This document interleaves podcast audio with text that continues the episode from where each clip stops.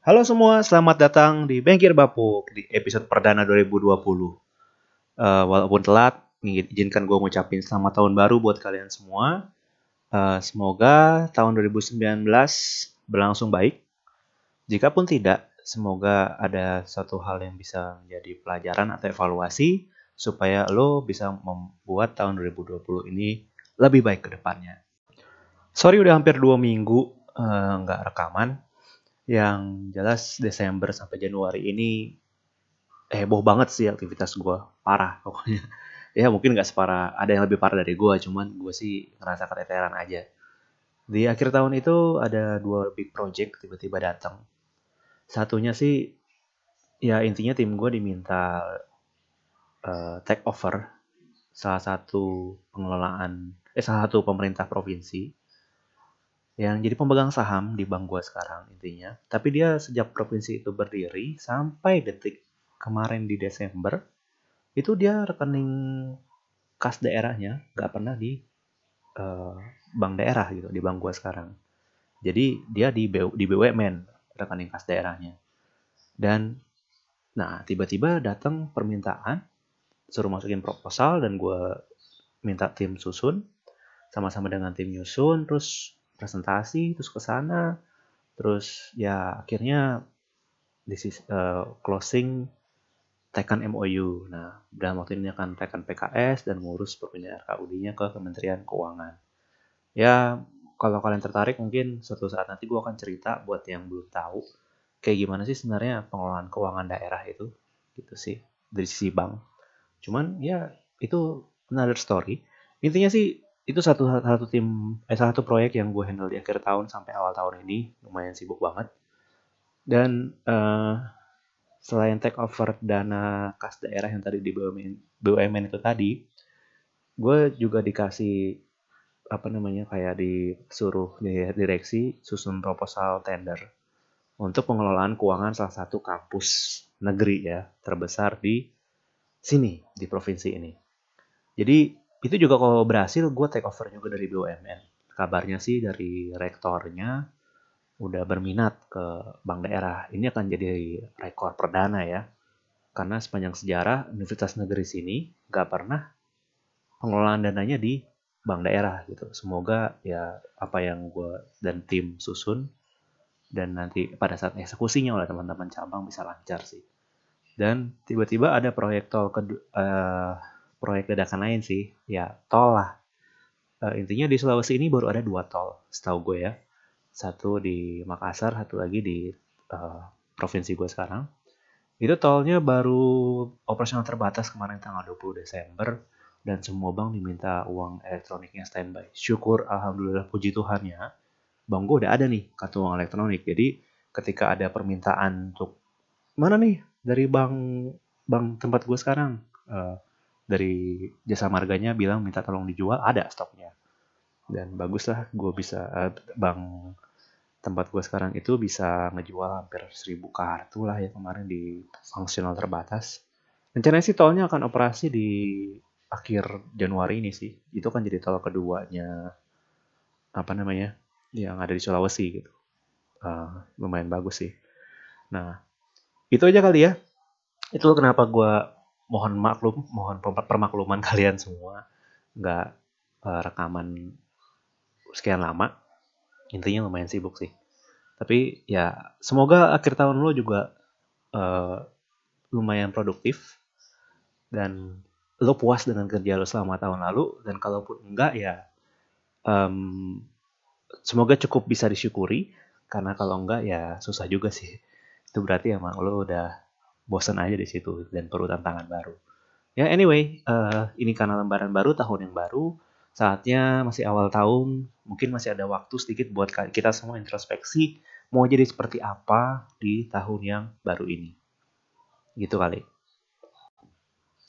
Yang lucu di tahun 2020 ini lo langsung dibuka dengan banjir Jakarta.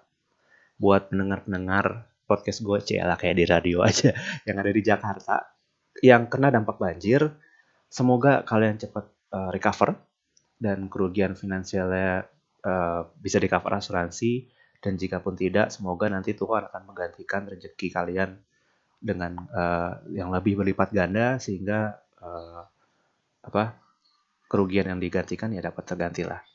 Dan kalaupun ada korban keluarga kali keluarga pendengar yang kena korban banjir ada kehilangan keluarga ya gue sampaikan duka cita sedalam-dalamnya uh, eh, gue di sini nggak sedang mengkomentari siapa salah siapa di banjir ini. Yang jelas bencana dan global warming itu betul ada dan ya tinggal manusia aja yang menyangkal dan semoga Jakarta semakin dihindari dari banjir. Mungkin memang yang dari ada tweet yang bilang uh, area yang banjir di Jakarta itu semakin berkurang. Tapi yang disorot media itu kelihatan cukup heboh. Semoga apa pun itu, ya kalian yang menjadi korban banjir cepat recover. Itu aja mungkin dari gue. Terus kemudian yang setelah banjir baru reda, hujan tetap berlangsung deras sekali. Ada kabar World War ketiga antara US dan Iran. Dipicu karena terbunuhnya jenderal dan sebagainya. Jadi ya wah kalau emang kejadian 2020 krisis beneran gitu kan. Karena kan salah satu akun Twitter terkenal Big Alpha kan udah ke-tweet bahwa 2020 ada potensial krisis karena bla bla bla bla bla bla. Teman-teman bisa cari twitternya Big Alpha kalau misalkan memang uh, penasaran mau baca ya. Ada di situ nanti. Kalau nggak salah dia di pine tweet atau di like gitu pak tinggal di, di scroll aja. Itu cukup menarik artikelnya terus ya hmm, dan mulai saling berbalasan katanya US sama Iran. Oke, okay. semoga US sama Iran tidak berdampak berkelanjutan karena itu akan memukul ekonomi secara global yang aslinya akan berdampak juga dengan Indonesia dan target bisnis kayaknya harus segera direvisi karena ini di luar di luar rencana ya. Ya semoga uh, kita berharap positif ya. Nggak kejadian apa-apa. Tapi ya tau lah uh, Trump itu agak impulsif. Jadi ya susah juga kita menyimpulkan. Ya semoga tetap positif tahun 2020 ya terkait itu juga uh, ya semoga juga apa ya 2020 ini secara ekonomi Indonesia lebih baik. Karena yang gue baca dari satu artikel gue lupa di mana di Kompas apa di Detik gitu ya yang rilis itu ada statementnya Ibu Sri Mulyani yang bilang inflasi kita itu di 2019 uh, cuman sekitar 2, berapa persen gitu 2,7 apa kok nggak salah.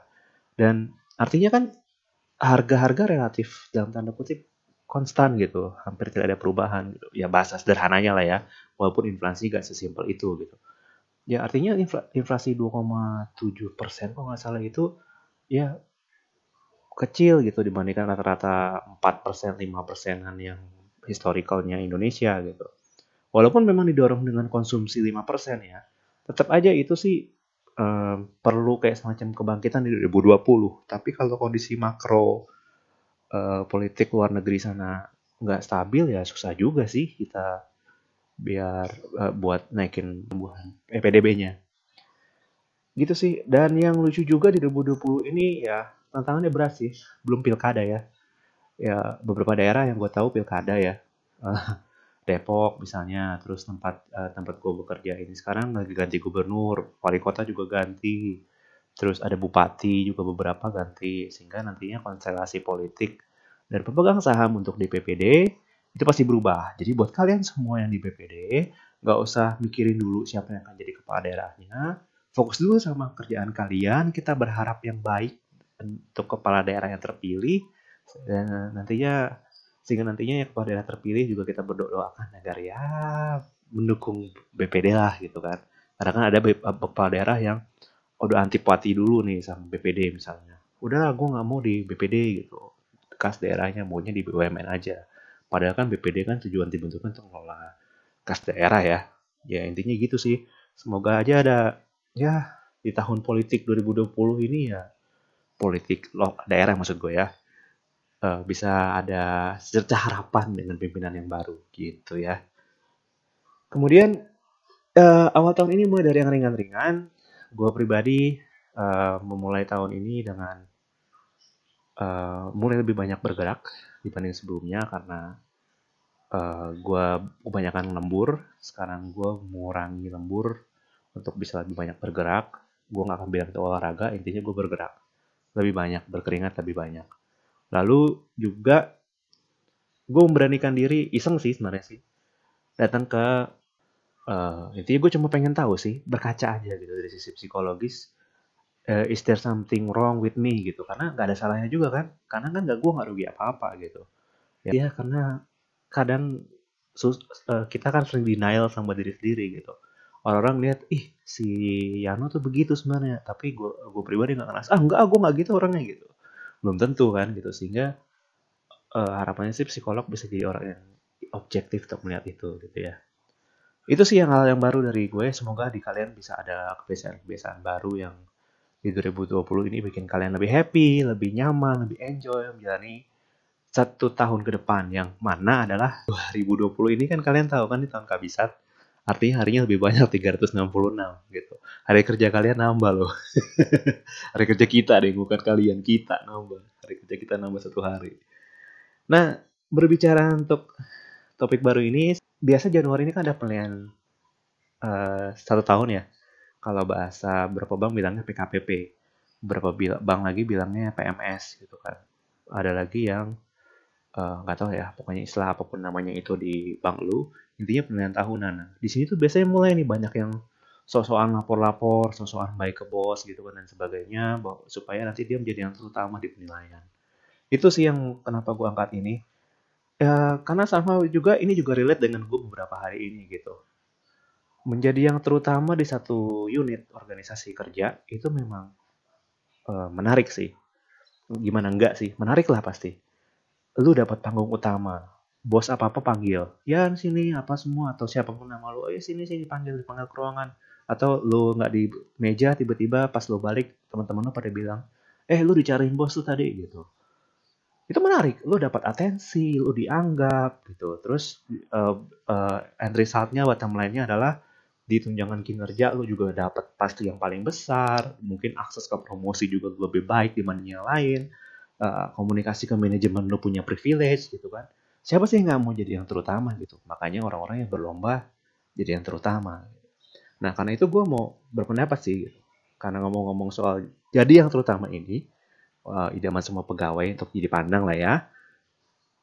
Cara melakukan jadi yang terutama ini cuma ada tiga hal ya biasanya tiga nih catat gitu kan yang pertama kalau nggak lu punya privilege uh, ini kan trending topik di akhir tahun uh, menjelang akhir tahun kemarin kan privilege Uh, artinya kalau lu nggak punya privilege, uh, kalau lu punya privilege, lu akan menjadi yang terutama. Artinya lu anak menteri, lu anak bupati, lu anak wali kota, lu sepupunya wali kota, lu anaknya gubernur, lu anak presiden, lu pasti punya privilege itu. Suka atau tidak suka, sangkal uh, kalian boleh menyangkalnya kalau kalian semua adalah anak pejabat atau sebagainya nanti relate dengan topik gue ini, gue mohon maaf, tapi kalian tuh otomatis punya privilege. Karena somehow secara secara secara de facto ya apa sih pokoknya intinya bos tuh segan sama lu gitu ada sisi segannya bos buat ke lu gitu nah gua aja yang di rekrut pro hire karena link up dengan direksi orang-orang pada segan sama gua gitu. bahkan gue bisa ngatur pimpinan divisi. Bahasa gampangnya gitu walaupun nggak gitu juga ya. Ya akhirnya ya itu cara pertama supaya lo jadi yang terutama ya itu lo punya privilege. Dalam hal ini gue mengakui privilege gue karena punya akses ke manajemen. Gue dipercaya di root gue bisa wa waan sama di root sampai sesuka hati gue gitu kapan pun anytime gitu. Nah privilege yang pertama tuh. Jadi yang uh, terutama di satu kerja kemudian yang kedua ini cara ekstrim paling kiri gitu. Cara menjadi yang terutama adalah secara kontradiktif lu kena kasus. Ya iyalah lo begitu kena kasus nama lo tiba-tiba viral sekantor dan lo jadi yang terutama. All eyes on you karena itu. Ya tapi kita nggak berharap itu kan. Sehingga cara yang ketiga untuk jadi yang terutama adalah dengan berkinerja baik. Bisa cuma itu aja. Kalau nggak punya privilege lo ekstrimnya adalah lo kena kasus atau lo berkinerja baik nah kesamaan dari ketiga-tiga orang ini adalah ketika menjelang penilaian kinerja terutama di Januari ini semuanya itu apa ya kayak mendadak baik-baik lah. Anak pejabat baik sama bos, yang kinerjanya buruk juga baik sama bos, yang kena kasus baik sama bos, yang kinerjanya kinerjanya bagus juga baik sama bos. Sehingga uh, karena kenapa? Karena kalau lu menyinggung bos sedikit saja di saat periode penilaian ini, lu tiba-tiba akan dipindahkan dari baik ke cukup atau dari sangat memuaskan ke di bawahnya lah intinya. Karena cuma menyinggung perasaan di periode ini gitu. Ibarat kata ya capek lo setahun itu uh, terhapus cuma karena satu komen salty lu ke bos atau lembur lo setahun itu dihapus hanya karena lo kelamaan cuti gitu misalkan di awal tahun ini gitu. ya kita semua nggak mau hal itu terjadi. Menyang, uh, menyangka atau tidak hal itu tetap terjadi di penilaian kinerja yang ada di uh, beberapa bank gitu kan. Ya di Januari ini bos pada di ini biasanya. Nah berbicara kinerja baik ya. Idealnya sih semua misalkan di kantor satu kantor itu ada yang kinerjanya baik nah gimana caranya lo bisa stand out jadi yang terutama? Relate ke topik sebenarnya relate juga sih ke topik diskresi meritokrasi yang gue bahas uh, di episode uh, lalu ya. Gue pernah kerja di dua bank yang sangat kontradiktif ya gue udah cerita. Yang satu tertata meritokrasinya yang satu sistem meritokrasinya adalah jauh dekat sama. Nah di sistem meritokrasi yang sudah tertata itu, gue punya kecenderungan adalah kalau lo mau stand out, solo player lah. Bukan saya lo betul, solo player. Lu ke mana-mana bearing all to yourself gitu. Jadi sampai lari kencang dan proyek jalan, proyek demi proyek lo ambil, terus kemudian lembur demi lembur lo ambil, lo semuanya nyusun sendiri end to end dari mulai snack rapat sampai uh, apa namanya uh, nentuin rapat, uh, ruangan rapat, sampai nanti dealing dan PKS semuanya lu yang lakuin end to end. Itu itu pasti lebih cepat karena lo main sendiri gitu kan. Dan akhirnya lo stand out kelihatan di situ, wah oh, berhasil nih proyeknya. Itu karena Yano gitu misalnya. Gitu. Itu uh, beberapa orang di sistem kerja yang sistem kerja meritokrasinya baik itu seperti itu. Karena ya apa ya target pribadi dia kan itu KPI dia gitu. Nah, terus yang lucu di kalau misalkan kerjaannya itu pay off atau berhasil, bukan yang lucu sih, itu fakta lah ya. Kalau semuanya kerjaan yang lo ambil sendiri itu, lo lakukan sendiri itu berhasil, lo akan stand out.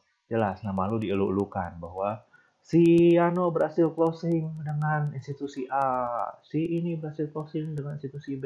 Tepuk tangan, wah luar biasa, gitu lo dianggap gitu. Tapi kalau gagal, lu frustasi minta ampun dropnya, bukan main.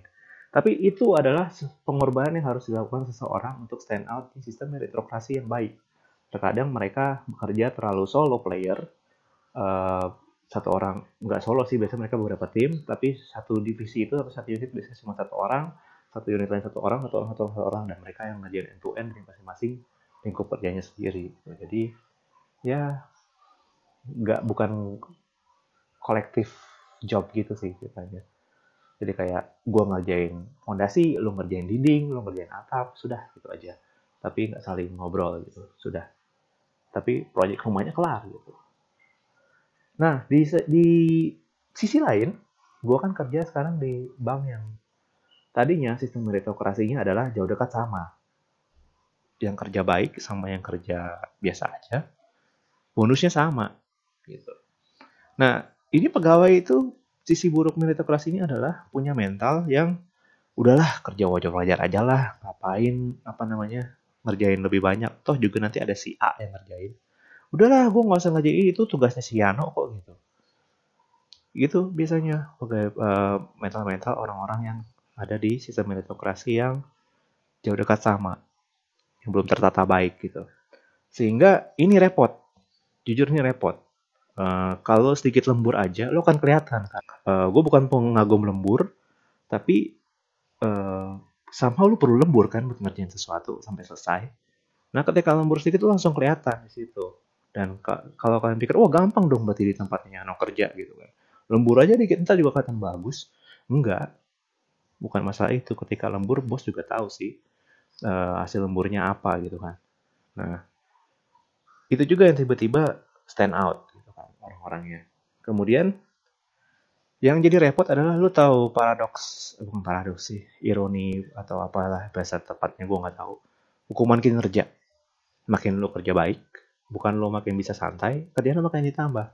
Artinya produktivitas lo akan selalu meningkat gitu.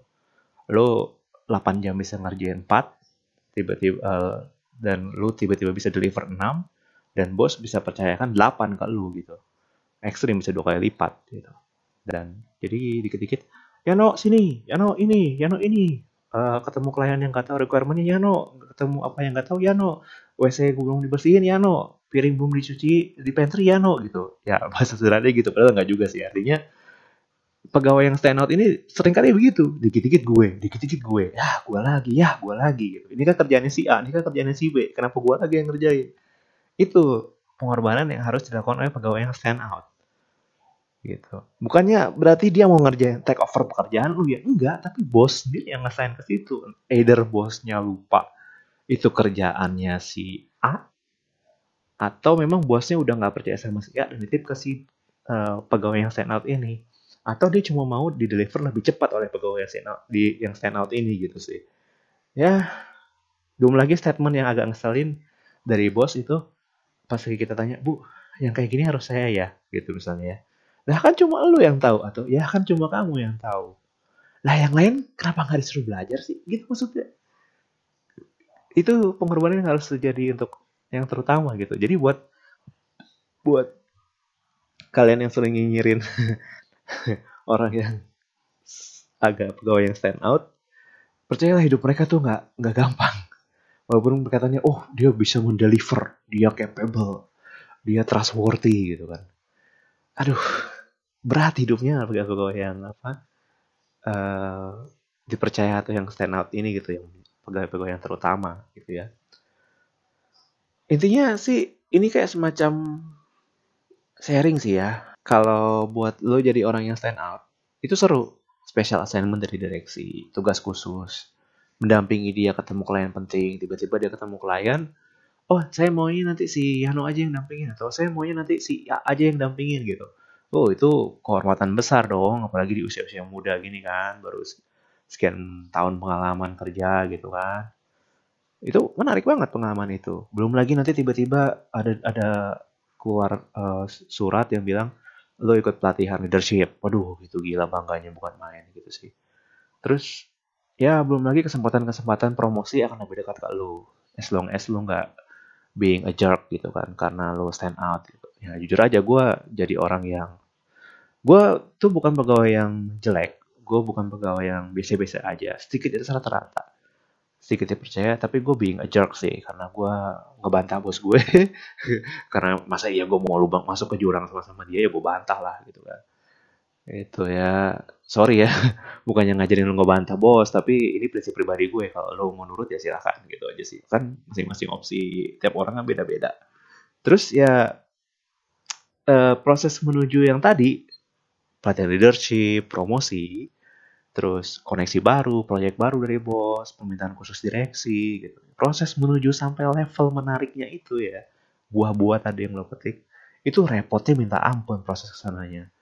Ya sering kali orang-orang yang stand out atau yang jadi yang terutama satu organisasi itu, uh, komunikasi kerja tadi, lo harus ngerjain kerjaan punya orang lain, gitu.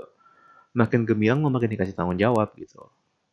Belum lagi karena bos tahu ah karena si Yano ini cukup terutama di atau yang stand out dia pasti nggak akan nolak kok kerjaan gini dia senang dia senang sibuk kok dia hobi sibuk kan anjing masa gue bilang Yano hobi lembur eh tai ya gila ya gila aja gue hobi lembur gitu kan ya sekali sekali gue nolak gitu tapi intinya mostly kita sulit yang jadi stand out ini orang-orang yang stand out tuh sulit nolak gitu ya kerjaan di weekend dadakan event besok launching tiba-tiba sore jam 5 baru dihubungin. Aduh, itu proyek-proyek dewa gitu sering kali sering banget dititipin gitu kan. Ya. Terus tiba-tiba dinas berangkat besok baru dikasih tahu malam ini gitu kan. Eh enak dong cuy dinas. Ya kali cuy, gue tuh kalau kalau beberapa orang yang stand out ini gue yakin deh kalau misalkan bisa di kantor aja ngerjain tugas pendingan lo yang belum kelar tanpa harus lembur itu lebih bersyukur alhamdulillah daripada harus dinas gitu ya ya gue bukannya mengeluh untuk melambung ya karena kan mengeluh sebagai pegawai yang stand out. Tapi ini gue cuma cerita sisi bahwa ketika lo striving buat jadi yang terutama lo siap-siap untuk menghadapi hal-hal semacam ini. Dan ketika lo berbohong untuk uh, memasukkan kinerja lo untuk menjadi yang terutama somehow karena lo naik yang cepat karena dengan cara yang legal tadi lo akan jatuhkan dengan lebih cepat gitu itu sih message utamanya sebenarnya Ya, belum lagi di luar jam kerja lah ya, untuk pegawai-pegawai yang stand out, lu pilar-pilar divisi, lu pilar-pilar cabang, lu pilar-pilar unit kerja lu. Ah, tengah malam ada WA, ting.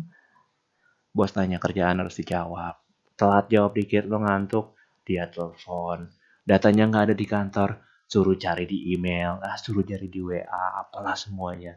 Terus abis itu bilang, mana dokumen yang saya minta? Lah kan, Pak udah dikirim tadi sore. Ah, mana nggak ada di WA saya? Baru di mention oh iya saya pelajari. Tolong revisi apa? Saya minta di meja jam 7 pagi. Alah hal-hal semacam itulah yang dilalui oleh pegawai-pegawai yang di terutama. Mungkin ini akan menjadi demotivasi untuk kalian pegawai-pegawai yang uh, ordinary mohon maaf atau kita semua yang pegawai yang ordinary. Tapi ini adalah resiko atau konsekuensi bukan resiko sih konsekuensi dari ketika lo stand out. Lo akan dipercayakan lebih banyak lagi gitu ya wajar dong bos percaya ke orang yang uh, menugaskan ke yang lebih dipercaya gitu sih. Nah, konklusinya kalau lu lu adalah orang yang terutama di satu organisasi, di satu unit kerja lu, gue cuma mau bilang tolong stay humble, tetap bantu kawan-kawan lu yang less perform. Jangan karena lu tahu lu bisa mengerjakan lebih baik dan lu harus team up sama seseorang, karena ada satu kerjaan yang lu pikir ah dia mah nggak bisa. Atau dia dia paling nggak bisa nih ngerjain gini ya gue aja yang ngerjain. Enggak kasih titip kepercayaan ke dia yuk gue ngerjain ini lo ngerjain ini ntar kita kompal sama-sama.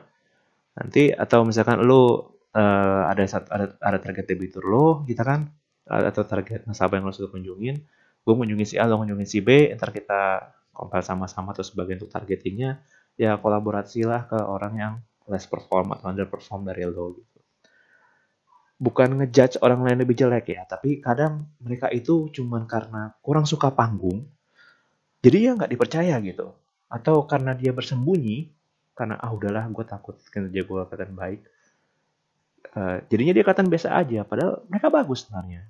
Ada beberapa teman-teman gue yang kayak begitu, gitu kan. mereka terlalu humble ya, sampai kelihatan kayak minder rendah diri ketika di, uh, apa namanya uh, dicari apa kok dicari kenapa nih kok dia selama ini ke mana aja gitu. Ternyata dia bagus juga ya orangnya gitu kan.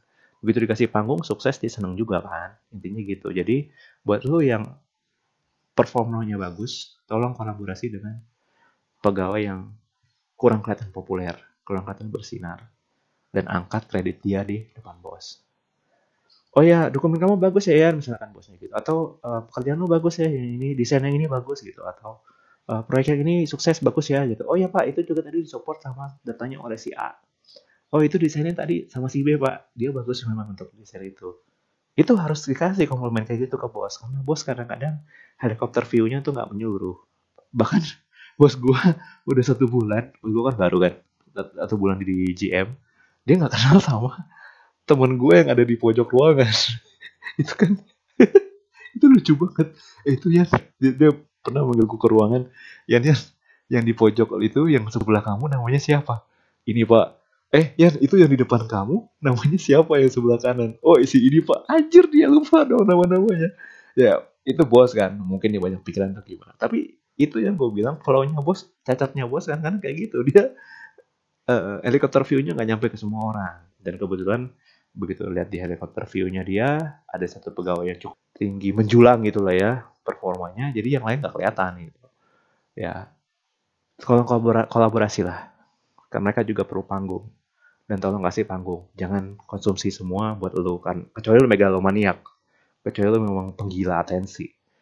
Cuman uh, tolong humble dan tetap ajak mereka. Itulah kenapa sebaiknya ada kolaborasi sih di sisi uh, perpiaisian di dunia kerja perbankan ya Terus juga buat kalian yang striving, kok kenapa gue nggak jadi terutama ya? kok gue udah berusaha terus setengah mati kenapa gue nggak bisa uh, melebihi si A? Kenapa dia selalu lebih bersinar? Kenapa sih gue uh, ketutup mulu bayang sama bayangannya dia gitu?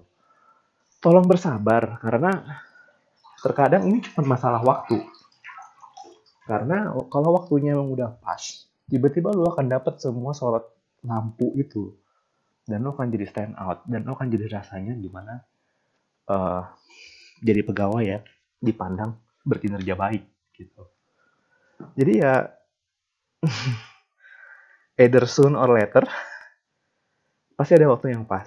Ya setelah telatnya adalah ketika lo baru resign ke tempat lain sampai akhirnya bos bilang aduh coba masih ada si A ya gitu ternyata selama ini kit saya nggak terlalu perhatikan dia. Pas dia resign baru deh kerasa kehilangan gitu. Ya kan udah telat ya tapi intinya akan ada satu masa di mana kerja keras lo akan kena sorot lampu. Gitu sih. Terus yang buat yang ada perform mohon maaf dan toxic employee di perbankan yang kerjanya cuma nyinyirin orang yang kerja dibilang cari muka padahal tulus sekali kerjaan yang dilakukan oleh orang yang kerja ini ya. Lu cuma komentarin semua nyindirin pegawai nyinyirin pegawai ngomongin di belakang ngegosip. Yang kerjaannya sebenarnya di take over oleh orang yang perform tadi. Mungkin karena tersinggung. Ya tolonglah apakah kalian tidak punya kehidupan lain gitu untuk menyindir orang dengan semua asumsi jelek yang belum tentu lo benar gitu kan percayalah jadi yang sang terutama atau menjadi yang outstanding atau yang stand out ini tuh capek gitu. Mereka tuh sebenarnya yang stand out ini pengen punya other life. Dia pengen punya me time. Somehow nggak bisa karena suatu saat tiba-tiba mereka kalut karena handphone uh, harus dijawab WA sesuatu di saat liburan keluarga dan sebagainya gitu sih. Mereka stuck di sistem. Jadi kalau lu yang underperform, kalau lo nggak bisa bantu teman-teman lo yang perform tolong jangan jadi nyusahin mereka lah. Minimal ya ya jangan jangan ganggu lah gitu. Syukur-syukur lo bantu ya seenggaknya jangan ganggu gitu. Gitu aja sih. Tapi intinya gini semoga ya ketika kalian mencoba menjadi uh, yang terutama ini kalian tidak saling menjatuhkan nggak saling memfitnah, nggak saling mengadu domba gitu ya. Karena kalau lo jadi terutama dengan cara kayak gitu, lo akan jatuhkan dengan cara yang serupa. Gue percaya karma ada sih. Gitu. Dan gue berharap ketika lo menjadi sang terutama, target utama lo bukan promosi. Jadi ibarat kata gini ya, lo usaha, iya bukan yang menggurui sih, ini pernah dengar dari orang juga yang nasihatin gue pegawai senior di kantor lama kalau kerja itu kerja aja dulu deh yang bagus. Kalau bisa promosi kalau bisa naik gaji itu bonus. Bener sih bonus kan artinya kalau ada syukur kalau nggak ada ya sudah gitu kan. Ya kalau promosi dapat syukur nggak dapat ya sudah gitu. Ya nggak tahu sih semoga uh, jangan sampai tekad mungkin ada beberapa orang yang belum promosi aja tapi jangan sampai tekad promosi lo itu akhirnya menjadi penghalang barrier otak lo untuk memberikan full ke kontribusi lo. Karena ketika nantinya akhirnya lo nggak dapat tuh promosi apa ya lo akan mengeluarkan 100% lagi? Nggak juga kan? Gitu. Susah. Jadi makanya uh, ikhtiar dulu aja lah kalau bahasa uh, yang muslim gitu kan. Berusaha dulu sebaik mungkin gitu kan. Nanti masalah promosi atau apa itu biar uh, tangan yang tak terlihat yang mengerjakan gitu kan. Kenapa aku jadi rohani di 2020 bangkir bapuk ini padahal gitu ya. Gitu ya lebih baik ketika lo promosi bukan karena komentar nyinyir tapi komentar yang bilang ah dia sih emang udah pantas promosi gitu. Emang udah waktunya dia promosi. Nah itu kan enak kan gitu. Dan lo didukung sama yang lain. Itu pembukaan topik 2020 yang ringan-ringan dulu aja ngalur ngidul soal menjadi bagaimana sih menjadi pegawai rasanya menjadi pegawai yang mendapat sorot rampu setiap saat gitu kan Gitu aja kali. Sorry, agak sombong.